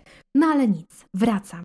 Polska, znowu, staram się nie załamać tą okropną, paskudną zimą i tym, że muszę zaraz wrócić na swoje okropne, paskudne studia do Krakowa. A tam gwóźdź do trumny, czyli rok 2020. Pandemia i gdzie w styczniu i lutym udało mi się jeszcze coś tam popodróżować, dlatego że na przykład Nowy Rok przywitałam w Gdańsku z moją przyjaciółką, e, potem zahaczyłam też o Warszawę i Lublin i poznałam nowych znajomych. Zaraz po tym, jak przeprowadziłam się do Krakowa, dostaliśmy na uczelni oficjalny komunikat, że dosłownie na tydzień lub dwa przechodzimy w nauczanie zdalne. E, jak to się wszystko skończyło, doskonale wiemy, dlatego że ja już nigdy nie wróciłam na uczelnię. W takim sensie, że już do końca moich studiów było nauczanie zdalne. Więc tak naprawdę studentką to ja sobie pobyłam w pierwszym roku moich studiów w Krakowie, potem ten jeden semestr w Hiszpanii, a potem przez półtorej roku przy komputerze. No ale cóż, trudno.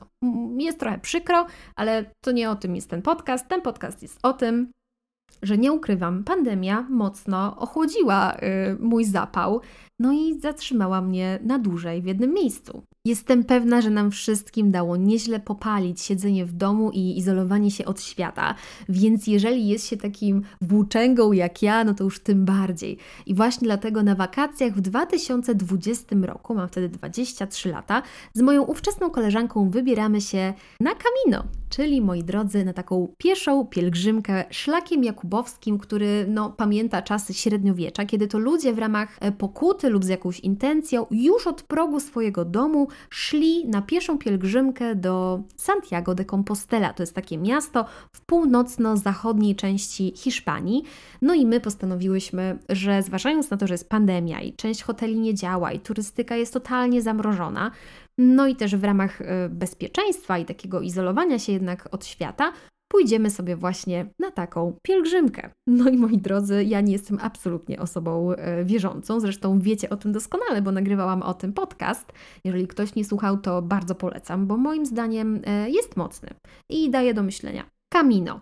Bardziej niż pielgrzymką nazywałyśmy to po prostu wędrówką i robiłyśmy to dla fanu, żeby poszerzyć swoją strefę komfortu i spróbować czegoś, czego nigdy w życiu nie próbowałyśmy, czyli takiej wędrówki z plecakiem i spaniem w namiocie i kąpaniem się w rzece.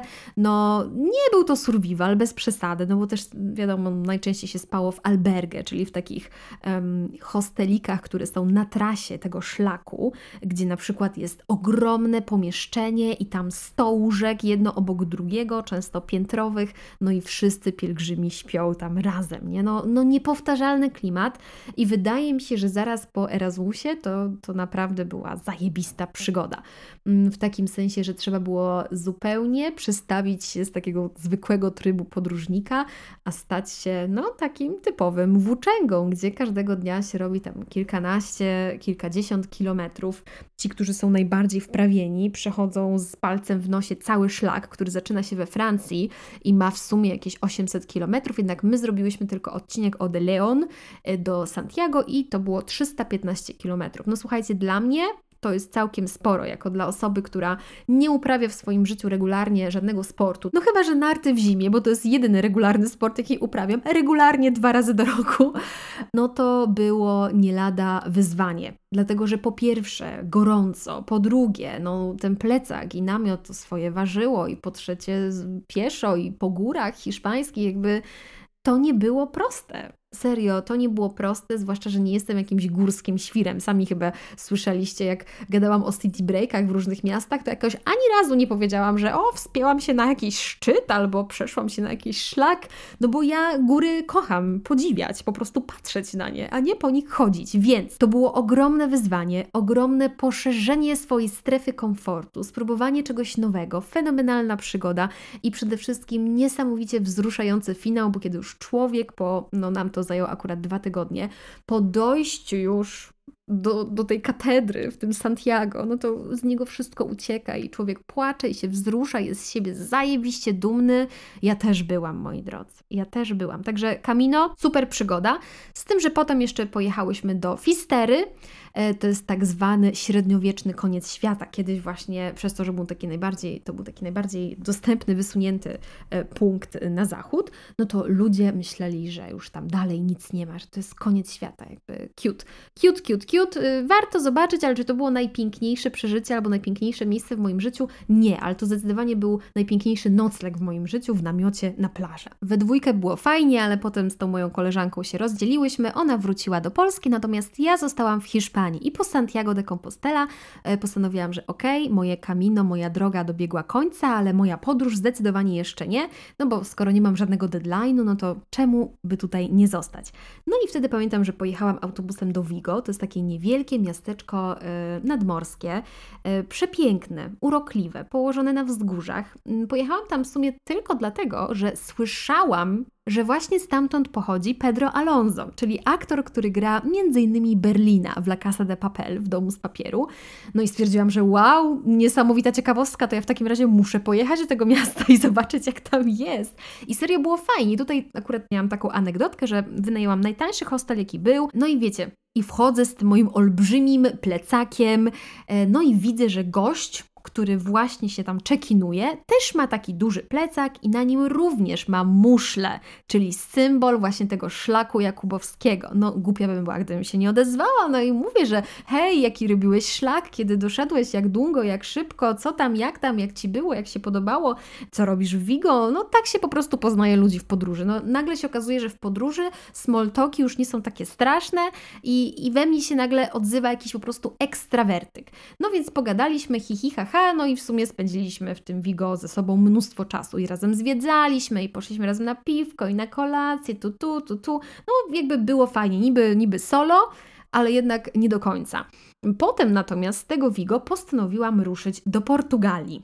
Moim celem było Porto, bo właśnie tam znalazłam sobie na couchsurfingu e, ziomeczka, który powiedział, że chętnie mnie przenocuje nawet na parę dni, pokaże mi miasto i tak dalej. Couchsurfing to jest taki portal, który łączy podróżników na całym świecie, którzy mają ochotę komuś zupełnie za darmo i bezinteresownie udzielić swojej kanapy albo swojego gościnnego pokoju. No jak sama nazwa wskazuje, couchsurfing wzięło się w ogóle od tego, że ktoś ma wolną kanapę w salonie, no i jak podróżujesz, no to możesz się u mnie przespać, a w zamian, e, nie wiem, opowiedz mi o swoich podróżach albo przywieź mi jakiś fajny magnesik bądź pocztówkę, nie? Jakby, no, cała społeczność jest naprawdę super, chociaż o tym to też można nagrać oddzielny odcinek, jeśli chodzi o różne przygody z couchsurfingu, no ale nieważne. To też w ogóle było moje pierwsze wtedy doświadczenie z czymś takim, więc nie wiedziałam czego się spodziewać, byłam trochę zestresowana, wiecie, nagle wbijam na chatę jakiegoś obcego zioma, dorosłego typa. Y, ja miałam wtedy 23 lata. No i mówię, że hejo, od dzisiaj śpię w Twoim salonie przez najbliższy tydzień. No trochę crazy, nie? Zwłaszcza, że mm, chciałam w ogóle dojechać do Porto autostopem. Stwierdziłam, dobra, y, byłam właśnie na takiej wędrówce i zaraz będę spać na couchsurfingu i mam namiot na plecach, jestem prawdziwą podróżniczką, to już tylko brakuje do tego zestawu autostopu. No i stanęłam na jakiejś drodze, no i stoję i po prostu ja zestresowana, pot się ze mnie leje. Myślę sobie, Jesus Maria, nie, no nie dam rady, po prostu to, to mnie tak stresuje. Nie, nie ma opcji, jakby mm -mm. nie dam rady tego zrobić, idę na dworzec, kupuję bilet do Porto i faktycznie pojechałam autobusem, no co Wam powiem, stchórzyłam, no autostop to jest dla mnie coś takiego, co, za co bardzo, bardzo wszystkich podziwiam, ale jakoś sama nie do końca potrafię się przekonać, bo ja też jak taka głupia koza stanęłam na jakiejś takiej drodze, która wydawało mi się, że można stamtąd dojechać do Portugalii, ale czy faktycznie można było? I, i czy, to, czy to był najlepszy pomysł, żeby stanąć przy tamtej drodze? No nie wiem, w każdym razie pojechałam autobusem, trudno się mówi, i jak tam dotarłam właśnie do tego ziomeczka, do mieszkania, to pierwsze co, to on mówi, dobra, to chodź, y, muszę gdzieś pojechać i przy okazji pokażę Ci miasto. No i wsiadamy do samochodu, nie? Jakby nawet, nawet nie chcę oceniać tego, że to było nieodpowiedzialne, bo całe moje życie jest nieodpowiedzialne i wszystkie moje podróże były poniekąd ryzykowne. Na przykład wiecie, to, że pojechałam sobie na weekend do Berlina do zupełnie obcego typa, którego widziałam pół roku wcześniej, raz i to przez godzinę. Jak widzicie, ja po prostu w moim życiu bardzo lubię ryzyko i adrenalinę. No nic, w każdym razie jesteśmy w Porto, idę sobie na couchsurfing do tego ziomka, on mówi, no to wsiadaj w samochód, jedziemy na przejażdżkę, ale musimy najpierw coś załatwić. No i wiecie, jedziemy do jakiejś szemranej dzielnicy poza miasto, na jakąś po prostu budowę do rozsypujących się budynków. Ja już myślę sobie tyle, koniec, doigrałam się, jakby no, no już tyle, po prostu nic mnie już w tym życiu ciekawego nie spotka. E, po czym się okazuje, że gość faktycznie się tam z kimś spotkał i kupił od niego po prostu kilka gramów zioła. A ja już taka obstrana w tym samochodzie zastanawiam się jakby, czy w ogóle uda mi się uciec, nie? No prześmieszne to było, jakby to mi trochę udowodniło, że no trochę więcej wiary w ludzi, Karolina, no bez przesady. To nie jest tak, że każdy tylko marzy o tym, żeby cię zamordować, no. Porto było super. Serio, to jest takie miasto, w którym człowiek zakochuje się od pierwszego e, wejrzenia. W ogóle słyszałam, że Porto i Lizbonę, czyli dwa największe miasta Portugalii, można porównać do Krakowa i do Warszawy. Jeżeli ktoś jest into e, właśnie takie wysokie budynki, nowoczesne wieżowce i takie miasto tętniące życiem 24 na dobę jak Warszawa, no to spodoba mu się Lizbona. A jeżeli ktoś lubi Kraków, urocze, ciasne uliczki, stare budynki, no to bardziej spodobał mu się Porto. No i oczywiście, że w Porto było fenomenalnie. Moi drodzy, chillowałam, zwiedzałam, spacerowałam, czytałam sobie książkę w parkach. Totalny relaks, dlatego że potrzebowałam odpoczynku po Camino, które było dosyć wymagające. Poza tym, że korzystałam z gościnności tego ziomeczka od zioła, który mieszkał w centrum Porto, to pomieszkałam sobie też trochę poza miastem. Wtedy trafiłam z kolei do takiej uroczej parki, byłam u nich dosłownie ze trzy noce i słuchajcie, hit! Dostałam u nich pokój gościnny jakby zupełnie za darmo, to był couchsurfing, ale swoją drogą mogliby wystawić to na Airbnb. Pokój z widokiem na ocean.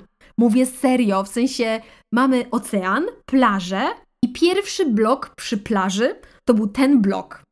I ja miałam sypialnię z widokiem na ocean. Jak ja po prostu to zobaczyłam, to myślałam, że się posikam ze szczęścia i że to jest jakaś pomyłka i zaraz mnie po prostu wkręcą i powiedzą, że mam im dawać hajs. Także no to było mega miłe. Serio, bardzo, bardzo miłe. I na dodatek y, potem jeszcze odwieźli mnie w dalszą część moich przygód do Aveiro i tam sobie spałam z kolei y, w domu rodzinnym mamy tej dziewczyny, z tej parki. No generalnie sytuacja w podróży wygląda tak, jak już kogoś poznacie i załapiecie wspólny vibe, to serio ludzie chętnie Wam pomagają. A tu Was podwiozą, a tu Wam e, coś zaoferują, a tutaj Wam e, kolację ugotują, bo takie rzeczy też mi się zdarzały, a tutaj właśnie zaoferują Wam kolejny nocleg, do kogoś zadzwonią, coś załatwią. No to jest serio wspaniałe. I właśnie chyba to podróży kocham najbardziej, bo wydaje mi się, że na co dzień nie jesteśmy tacy mili, uprzejmi, wspaniałomyślni, a w podróży, no nie wiem jak innym ludziom, mi zdecydowanie włącza się taki instynkt bycia dobrym do wszystkich i, i bycia właśnie takim ekstrawertykiem, który zagaduje i prawi komplementy i opowiada o swoich przygodach, gdzie na co dzień mieszkając sobie w Polsce mam wrażenie, że no nie mamy za bardzo okazji, żeby się wykazać ze względu na mój bardzo już ograniczony budżet w tamtym momencie, nie za bardzo miałam jak wrócić do Polski. W takim sensie, że loty były drogie, plus ja miałam dużo bagażu. Postanowiłam, że wrócę autostopem. Ale ze względu na to, że oczywiście wciąż się cykałam po prostu stanąć gdzieś yy, na wylotówce i, i wyciągnąć kciuk, to trochę przechytrzyłam system i znalazłam takie grupy na Facebooku jak tirowcy Europa, Kierowcy tirów Hiszpania. Albo nie wiem, tir Portugalia, Hiszpania, Francja. I właśnie na takich grupkach napisałam: y, Cześć, dzień dobry, jestem z Polski, z Podkarpacia, wychodzę na pole, z wojska Dziołcha. No i tak się stało, że właśnie jestem sobie tutaj w Portugalii. Może któryś z panów robi kurs do Polski, chciałby mnie ze sobą zabrać. E, no i moi drodzy, był odzew. Nie był to taki odzew, nie wiadomo jaki, że o mój Boże, mogłam sobie przebierać w ofertach i robić casting, ale faktycznie kilku ziomeczków się odezwało. No i wybrałam jednego z nich. No i mówi, dobra, no to bądź wtedy i wtedy tu i tu, no i cię zgarnę. Także serio, w czepku urodzona, pojechałam, no i faktycznie zgarnął mnie. I jechaliśmy do Polski trzy dni. Trzy dni to się wydaje stosunkowo mało, ale nie w momencie, kiedy musicie spędzić je w jednej małej kabinie tira z jakimś zupełnie obcym ziomalem, razem jadąc, jedząc, śpiąc, wiecie, na łóżku piętrowym jedno obok drugiego i biorąc prysznic razem obok siebie na stacji benzynowej. W sensie, no nie braliśmy prysznica razem, te prysznice były obok siebie, ale one mniej zasłaniały niż odsłaniały, no i finalnie no, po kolano się widzieliśmy i nasze głowy też się widziały. No było to, to było serio przezabawne, w sensie no, prywatność? Nie, nie słyszałam o czymś takim. No, była to zdecydowanie fajna przygoda. Ziomeczek mnie podwiózł do granicy niemiecko-polskiej i stamtąd już ruszyłam y, do domu, słuchajcie, pociągami, autobusami, jadąc nocą, żeby jak najszybciej wreszcie dojechać, wykąpać się i wreszcie ubrać inne ubrania niż te na Camino. Dlatego, że cała ta podróż, czyli właśnie ta Hiszpania i ta Portugalia i to wszystko trwało z miesiąc. I ja przez ten miesiąc miałam trzy pary spodni i trzy pary t-shirtów plus dwie sukienki. Więc chodziłam w tych ubraniach non-stop przez miesiąc. Już nie mogłam na nie patrzeć. Zwłaszcza, że to nie były jakieś cute shorty i klasyczny biały t-shirt, tylko to były takie typowe, sportowe rzeczy, które się kupuje z myślą o jakimś hikingu, trekkingu i tak dalej. Plus miałam sandały, Yy, które no były paskudne, w sensie takie typowe sandały w góry. Plus moje stopy były tak poranione po kaminorze, ja często chodziłam w sandałach i skarpetkach. Więc ja dostałam praktycznie orgazmu, jak ja wróciłam do swojego mieszkania do Krakowa i poszłam pod prysznic i ubrałam normalne rzeczy i zrobiłam pranie. Już nie musiałam patrzeć na ten plecak. To było coś fenomenalnego. Serio, wspaniale to wspominam. No ale dobra, Karolina, what's next? No moi drodzy, tak się jakoś złożyło, że dosłownie parę tygodni później razem z moimi ziomkami pojechaliśmy do Berlina. Także tutaj mamy kolejny road trip. Najpierw musiałam pojechać z Krakowa do Wawki, wsiedliśmy w samochód i, i to było też fajne na kilka dni, właśnie spanko e, w jakimś tam tanim noclegu, żeby to wszystko w miarę ogarnąć budżetowo. No i wiecie, no ten Berlin, no to jest dla mnie po prostu jeden wielki sentyment, więc e, było bardzo miło, pamiętam. No fajnie to wspominam, bo mm, no całe życie marzyłam o tym, żeby mieć w ogóle grupkę przyjaciół i jeździć sobie z nimi na wycieczki.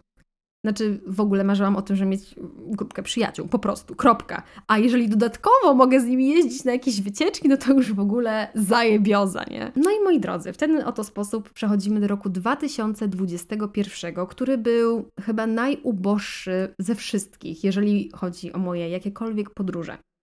Dlatego, że no wciąż mieliśmy jakieś zaostrzone stany, jeśli chodzi o pandemię. No raz było lepiej, raz było gorzej. W każdym razie y, pojechałam sobie wtedy, pamiętam, na wakacje all inclusive do Egiptu. Czyli właśnie zrobiłam to, czego zawsze wszystkim zazdrościłam, kiedy byłam nastolatką i co więcej, pojechałam nie, że z rodzicami na wakacje, tylko z koleżankami, więc wiecie, girl power, jedziemy sobie do hotelu, podrywać barmanów i kelnerów, animatorów i pić sobie drineczki bez limitu każdego dnia nad basenem. No, no to było przewspaniałe, serio. Także jak widzicie, w 2021 nie napodróżowałam się za bardzo, dlatego że no, te moje wakajki w Egipcie to, to, to była jedyna podróż i ja nawet nie nazywam tego za bardzo podróżą, tylko właśnie wakacjami, no bo jedzie się stricte w jedno miejsce i siedzi się w jednym miejscu. Akurat my byłyśmy w Hurgadzie e, i tak naprawdę rzadko kiedy wychodziłyśmy poza hotel, a jak już wychodziłyśmy, to zawsze tego żałowałyśmy, bo jednak Egipt to jest stan umysłu i to zdecydowanie nie jest moja wymarzona destynacja. No nic, w każdym razie nie napodróżowałam się za granicę, ale za to po Polsce to ja zrobiłam tysiące kilometrów, bo cały czas jeździłam. Kraków, Wrocław, Kraków, e, Warszawa, Kraków, Wrocław, Warszawa, Wrocław, Warszawa, Stalowa Wola, dlatego że wtedy właśnie postanowiłam przeprowadzić się do Warszawy i, i częstotliwość moich wyjazdów tam no, niesamowicie wzrosła. Mamy rok 2022, który zaraz po 2017, kiedy to mieliśmy, wiecie, Niemcy, Włochy, Cypr, Stany, Kanadę i tak dalej, jest y, drugim najbardziej takim bogatym w podróże rokiem w moim życiu. Tak mi się w każdym razie wydaje, chociaż jak robię sobie taki naprawdę szczery rachunek sumienia, to może zajmuje trzecie miejsce, no bo wiecie, w 2018 byłam w Azji. No nic, w każdym razie. Zaczęliśmy dosyć mocno. Styczeń, City Break, Neapol. Znalazłam tanie loty na Ryanerze, kupiłam. Okazało się, że moja koleżanka jest na Erasmusie w Neapolu, więc może mnie przenocować. Bardzo miło, bo ja też swoich znajomych przenocowywałam, jak byłam na Erasmusie w Hiszpanii, więc bardzo doceniam właśnie taką wymianę barterową. E, to było w styczniu. Następnie w lutym z kolei pojechałam na City Breaka do Barcelony, do mojej kochanej Hiszpanii, w której wiecie, nie byłam no już e, prawie dwa lata na tamten czas. No i no zdążyłam się stęsknić, no co Wam powiem. I tam z kolei, mimo tego, że pojechałam sama, solo, to ja nie byłam tam ani sama, ani solo, ani jednego dnia ponieważ pewnego pięknego poranka odpaliłam sobie Tindera. No i spotkałam takiego fajnego zioma, że tak naprawdę widzieliśmy się codziennie i on mi pokazywał Barcelonę i to było super miłe. Jak widzicie, dla mnie bratanie się z lokalsami to jest najlepszy sposób na darmowych przewodników. E, marzec z kolei City Break do Londynu. E, pojechałam tam z kolei z moją mamą i siostrą, z moją Konstancją, która ma teraz 9 lat, więc to był taki typowy babski wypad. No taki musiał być, wiecie, dzieci friendly, dlatego że no nie mogłyśmy sobie z mamą chodzić codziennie wieczorem do barów i pubów i, i zażyć sobie takiego brytyjskiego wieczornego życia, no bo, no bo byłyśmy z dzieckiem, no co Wam powiem. Ale za to yy, no, odbębniłyśmy wszystkie najważniejsze atrakcje i było bardzo miło, chociaż było też dosyć zimno i momentami deszczowo, no ale to wiadomo, no, czego się spodziewać po, po pogodzie w Wielkiej Brytanii, nie? I to do tego w marcu. Czy ja gdzieś byłam w kwietniu, w maju, w czerwcu? Na pewno byłam w jednym z tych miesięcy, sorry, nie pamiętam kiedy, w Bari. Pojechałam na takiego city breaka do Włoch z moimi kumpelami, na pewno znacie Asię i Izę, bo one też były gościniami tutaj na moim podcaście. I to też było super, bo po pierwsze znowu taki vibe babskiego wypadu, city break, ale jednak nie solo, tylko z kimś. I co więcej, już tam na miejscu też spotkałyśmy nasze koleżanki, więc nasza grupa się powiększyła. No, to było bardzo miłe, zdecydowanie. No i też nigdy nie byłam w tamtej części Włoch, nie? E, także super cool. No i to też był mój drugi wypad do Włoch w tym samym roku, więc no myślę, że teraz przez najbliższe dwa lata odpuszczam Włochy, bo, bo ta częstotliwość po prostu niebezpiecznie wzrosła. No i cóż Wam powiem, ten podcast nagrywam do Was z Chorwacji. Postanowiłam pewnego dnia wyruszyć w road trip na południe Europy, bo tutaj mnie jeszcze nie było i na potrzeby tej podróży kupiłam samochód. Więc czy jestem szalona i nieodpowiedzialna? A i owszem, ale jest wspaniale. Ja teraz pracuję w firmie, która zezwala na pracę zdalną na terenie Polski, gdzie się chce i jak się chce. Natomiast jeżeli chodzi o pracę z zagranicy, no to mamy na to maksymalnie 60 dni w roku i stwierdziłam, dlaczego by tych 60 dni nie wykorzystać. No, co prawda na moją decyzję finalnie tam miało, wiecie, więcej rzeczy wpływ, ale jakby to jest nieistotne. Istotne jest to, że kupiłam samochód, Zapakowałam go, wrzuciłam sobie z tyłu materac, zrobiłam sobie z niego takiego vana, w którym można spać, tylko że bieda edition e, i wyruszyłam z Robczyc, czyli z południa Polski, przez Słowację na Węgry, a potem do Chorwacji. Mieszkam sobie tutaj w Koprywnicy. Dwa tygodnie temu na weekend pojechałam do Słowenii. E, w ten weekend z kolei jadę do Zagrzebia, do stolicy, a w przyszły wyruszam prawdopodobnie do Bośni i Hercegowiny.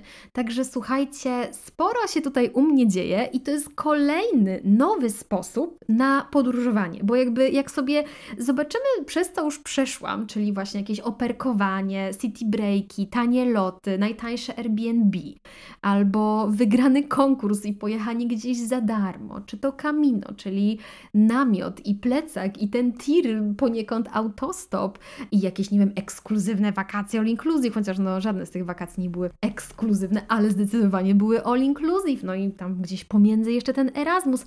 No jak widzicie, ja po prostu lubię doświadczać wszystkimi zmysłami. No i na Eurotripie jeszcze nie byłam. I tak oto wylądowałam tu, gdzie jestem. I jest mi tu wspaniale, serio. Czuję się tutaj trochę jak wtedy w Porto, tylko to trwało tydzień i nie pracowałam. A teraz to trwa dwa miesiące i pracuję.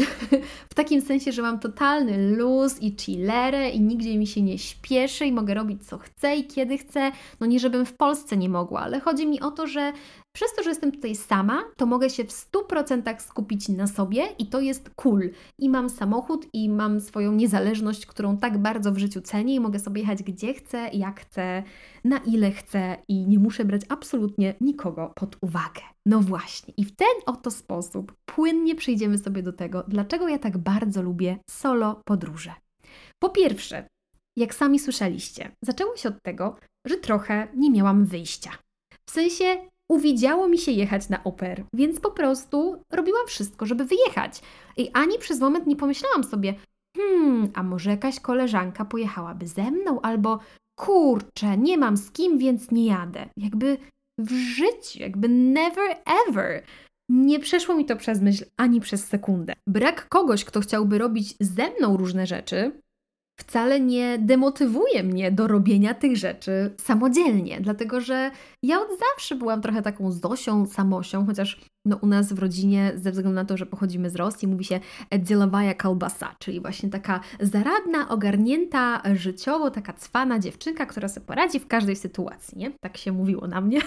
nie lubiłam bardzo yy, tego przezwiska, no bo w takim prostym tłumaczeniu na polski to jest po prostu cwana kiełbasa i chyba żadna dziewczynka nie chciałaby być tak nazywana, no ale dobra, no to do mnie przylgnęło i taka po prostu jestem, taki mam charakter, ale e, pamiętam, że poznałam w Hiszpanii dziewczyny, to były Szwedki, które serio przyjechały y, grupą całą takich przyjaciółek wspólnie na opernie, więc jak ktoś bardzo chce, to można ale ja nawet na tamten czas nie miałam takich bliskich koleżanek ani żadnej przyjaciółki, którą musiałabym, wiecie, namawiać i z którą musiałybyśmy kombinować, żeby się udało wyjechać razem.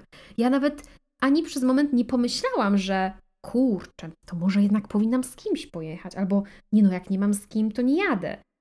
Bo dla mnie po prostu to nie była opcja.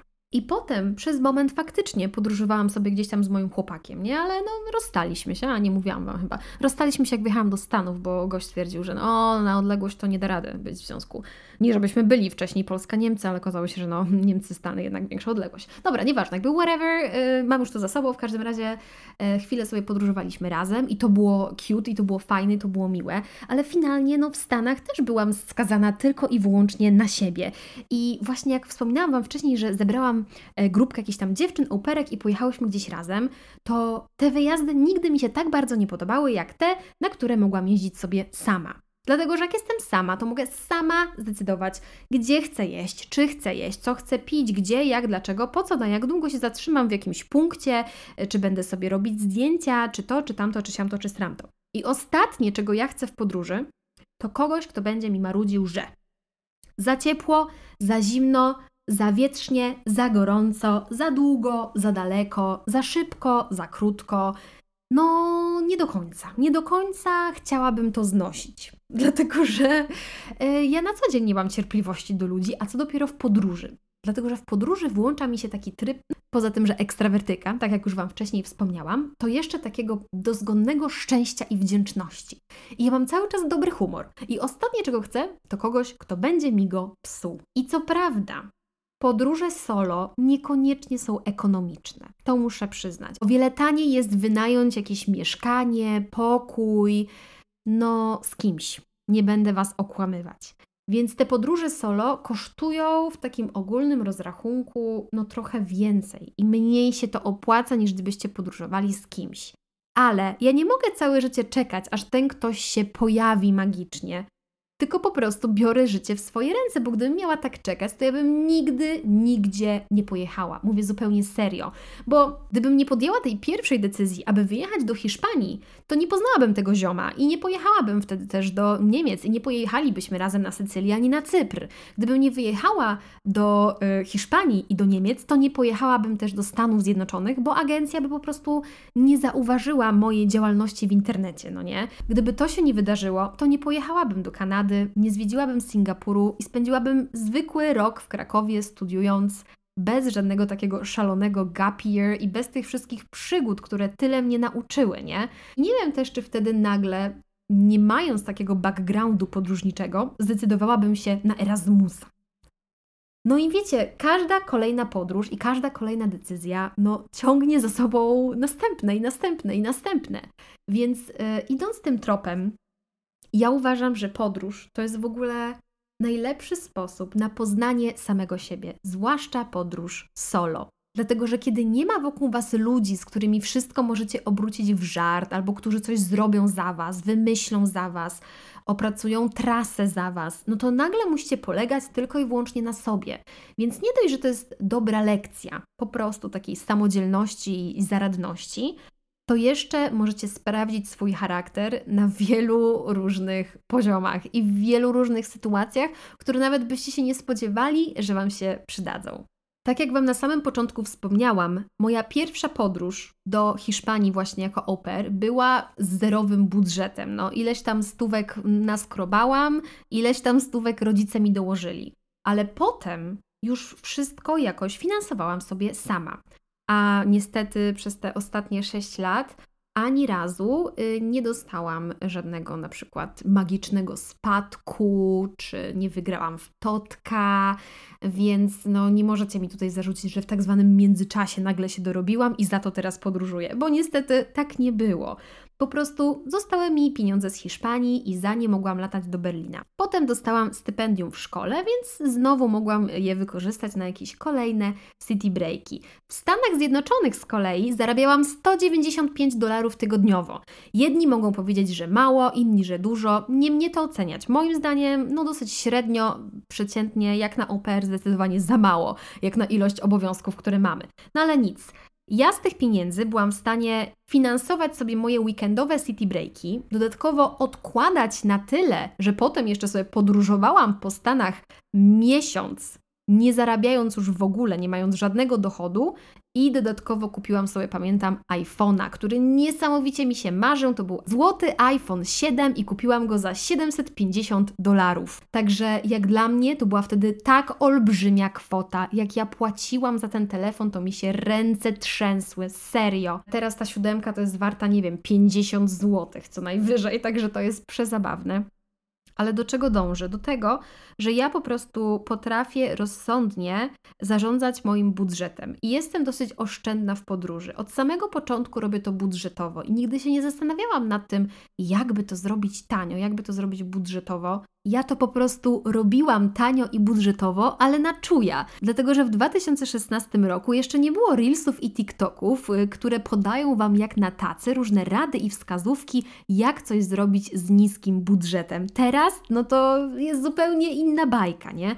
Ale no wtedy uczyłam się na własnych błędach, no i wyszukiwałam na Bookingu najtańsze noclegi, a na Ryanerze wyszukiwałam najtańsze loty i jakoś to szło i i słuchajcie, w pewnym momencie trzeba było się przemóc i zamiast Airbnb albo pokoju w hotelu wynająć e, po prostu łóżko w pokoju koedukacyjnym w hostelu i to też jest poniekąd przygoda, to też jest doświadczenie, to też wiele uczy. Na przykład tego, żeby zawsze zabierać ze sobą stopery do uszu, dlatego że na 90% y, w Twoim pokoju hostelowym trafi się ktoś, kto będzie w nocy głośno chrapał.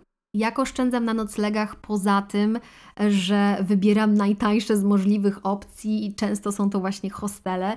No, jakby nie było, szukam sobie znajomych, którzy może akurat są gdzieś za granicą i mogliby mnie chwilowo ugościć. Na przykład tak jak ja teraz jestem w Chorwacji i absolutnie nie mam problemu z tym, żeby ktoś z znajomych sobie u mnie tutaj e, przez chwilę e, pomieszkał, tak? Za darmożkę. No bo jak ja już tak tu jestem i płacę, no to why not? Poza tym mamy właśnie ten couch surfing i mamy mnóstwo grup na Facebooku, gdzie ludzie są niesamowicie pomocni, jeśli chodzi o przekimanie kogoś na dzień czy dwa.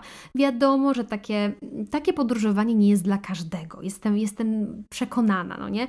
Ale zawsze można znaleźć jakieś inne akcje promocyjne, zniżkowe i tak dalej, które sprawią, że zapłacicie mniej niż powinniście. Ja tak na dobrą sprawę chyba nigdy w życiu nie byłam w takiej podróży, żeby pojechać gdzieś i wynająć jakiś fancy hotel w centrum miasta i sobie spędzić tam na przykład tydzień. Tylko ja często się tak włóczę, no trochę tu, trochę tam, tu spróbuję hostel, tu spróbuję couchsurfing, tu się zatrzymam u kogoś ze znajomych albo też nieznajomych, tu się przekimam na lotnisku jak trzeba.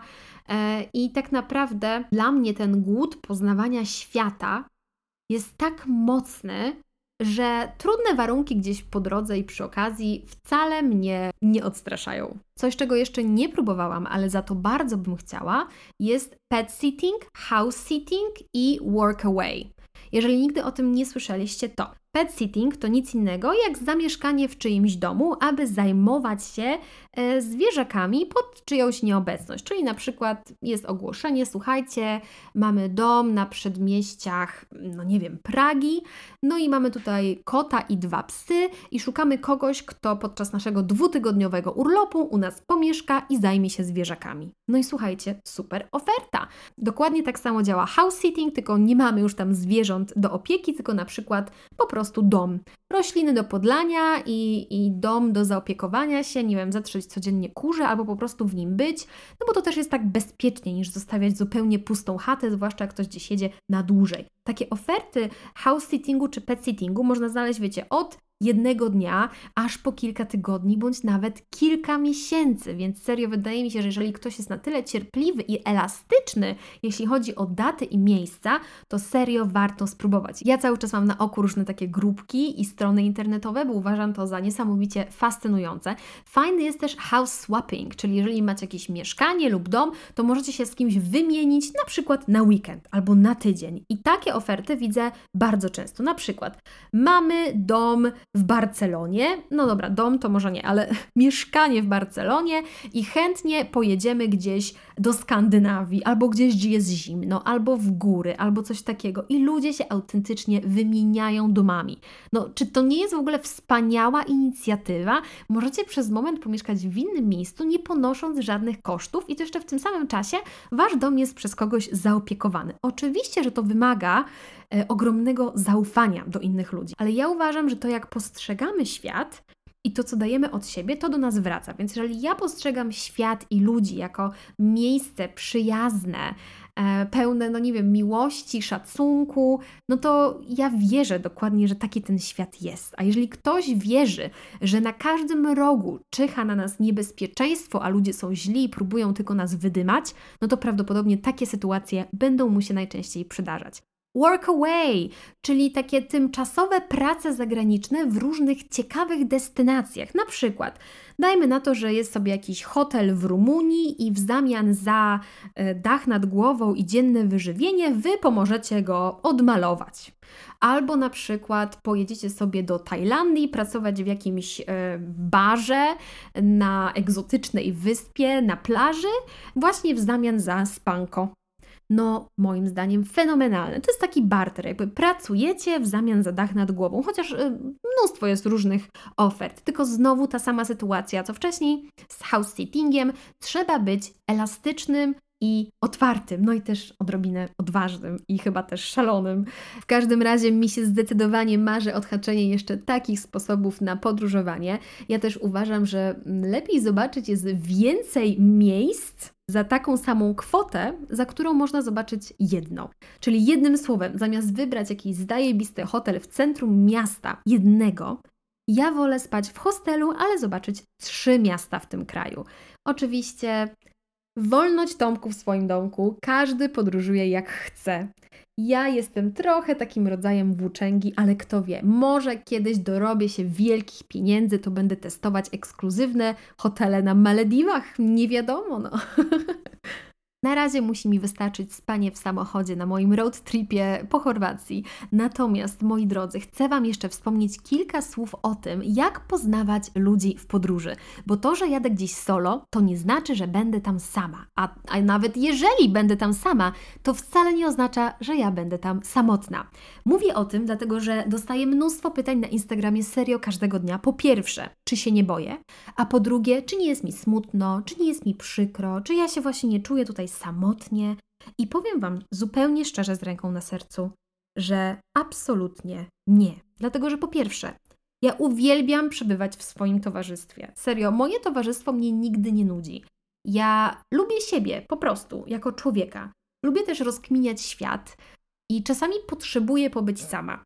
Natomiast kiedy mam ochotę na interakcję z ludźmi, to jak najbardziej sprawdza się tutaj Tinder, Couchsurfing, bo oprócz szukania noclegu bądź oferowania noclegu, można też y, znaleźć tam taką opcję hangout i po prostu znaleźć ludzi w okolicy, którzy chętnie wyskoczą na jakieś wspólne zwiedzanie lub na piwko.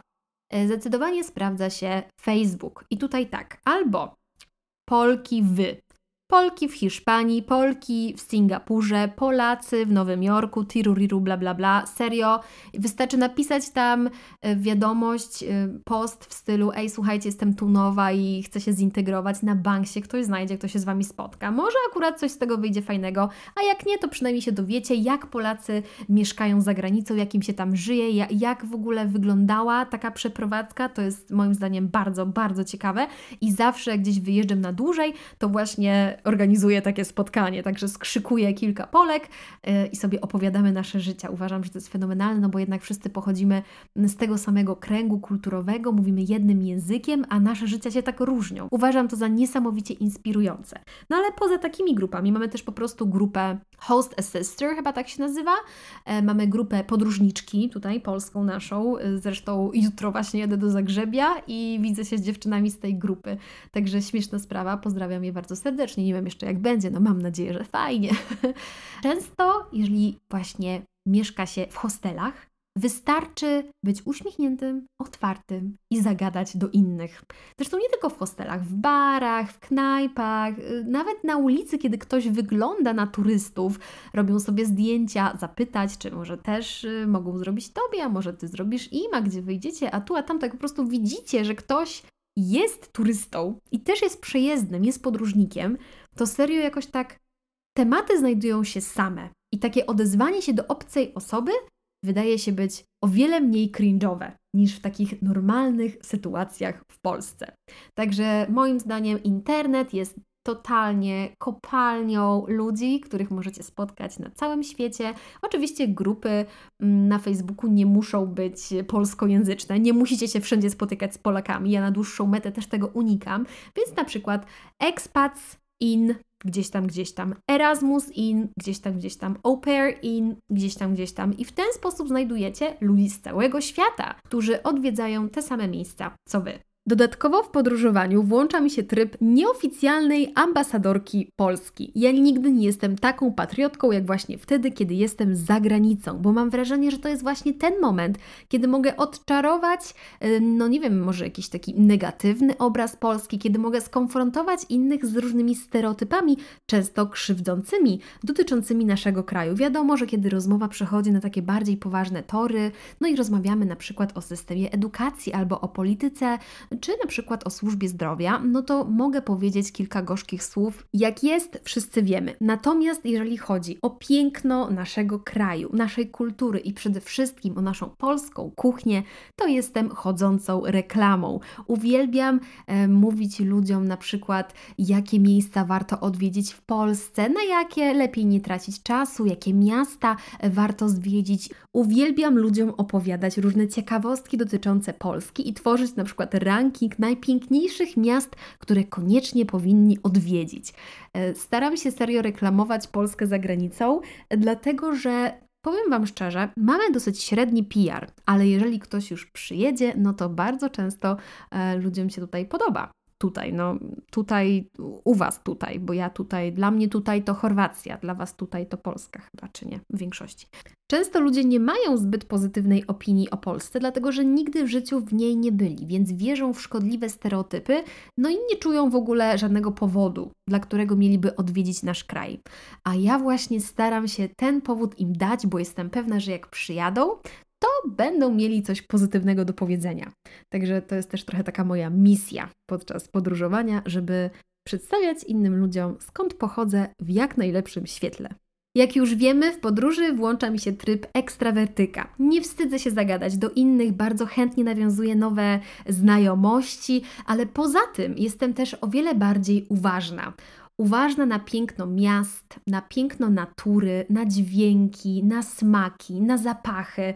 Moja głowa się po prostu otwiera i o wiele chętniej próbuję nowych rzeczy, doświadczam świata wszystkimi zmysłami. Jakkolwiek górnolotnie by to nie brzmiało, podróżowanie serio daje mi siłę do działania. I to jest mój ogromny życiowy motywator, dlatego że wszystkie moje życiowe plany i aspiracje kręcą się właśnie wokół zwiedzania świata. Bo moim zdaniem bez sensu jest się zamykać y, na jeden kraj, jedno miasto. Dla mnie wizja spędzenia całego życia w jednym miejscu to autentycznie największy horror, podczas kiedy dla kogoś innego to może być właśnie kwintesencja szczęścia i stabilizacji. Więc bardzo się cieszę, że jesteśmy tak różni i proszę nie wywierajmy na siebie wpływu w stylu wszyscy muszą podróżować, bo to jest cool, bo to jest fajne, bo to jest modne, bo to się klika.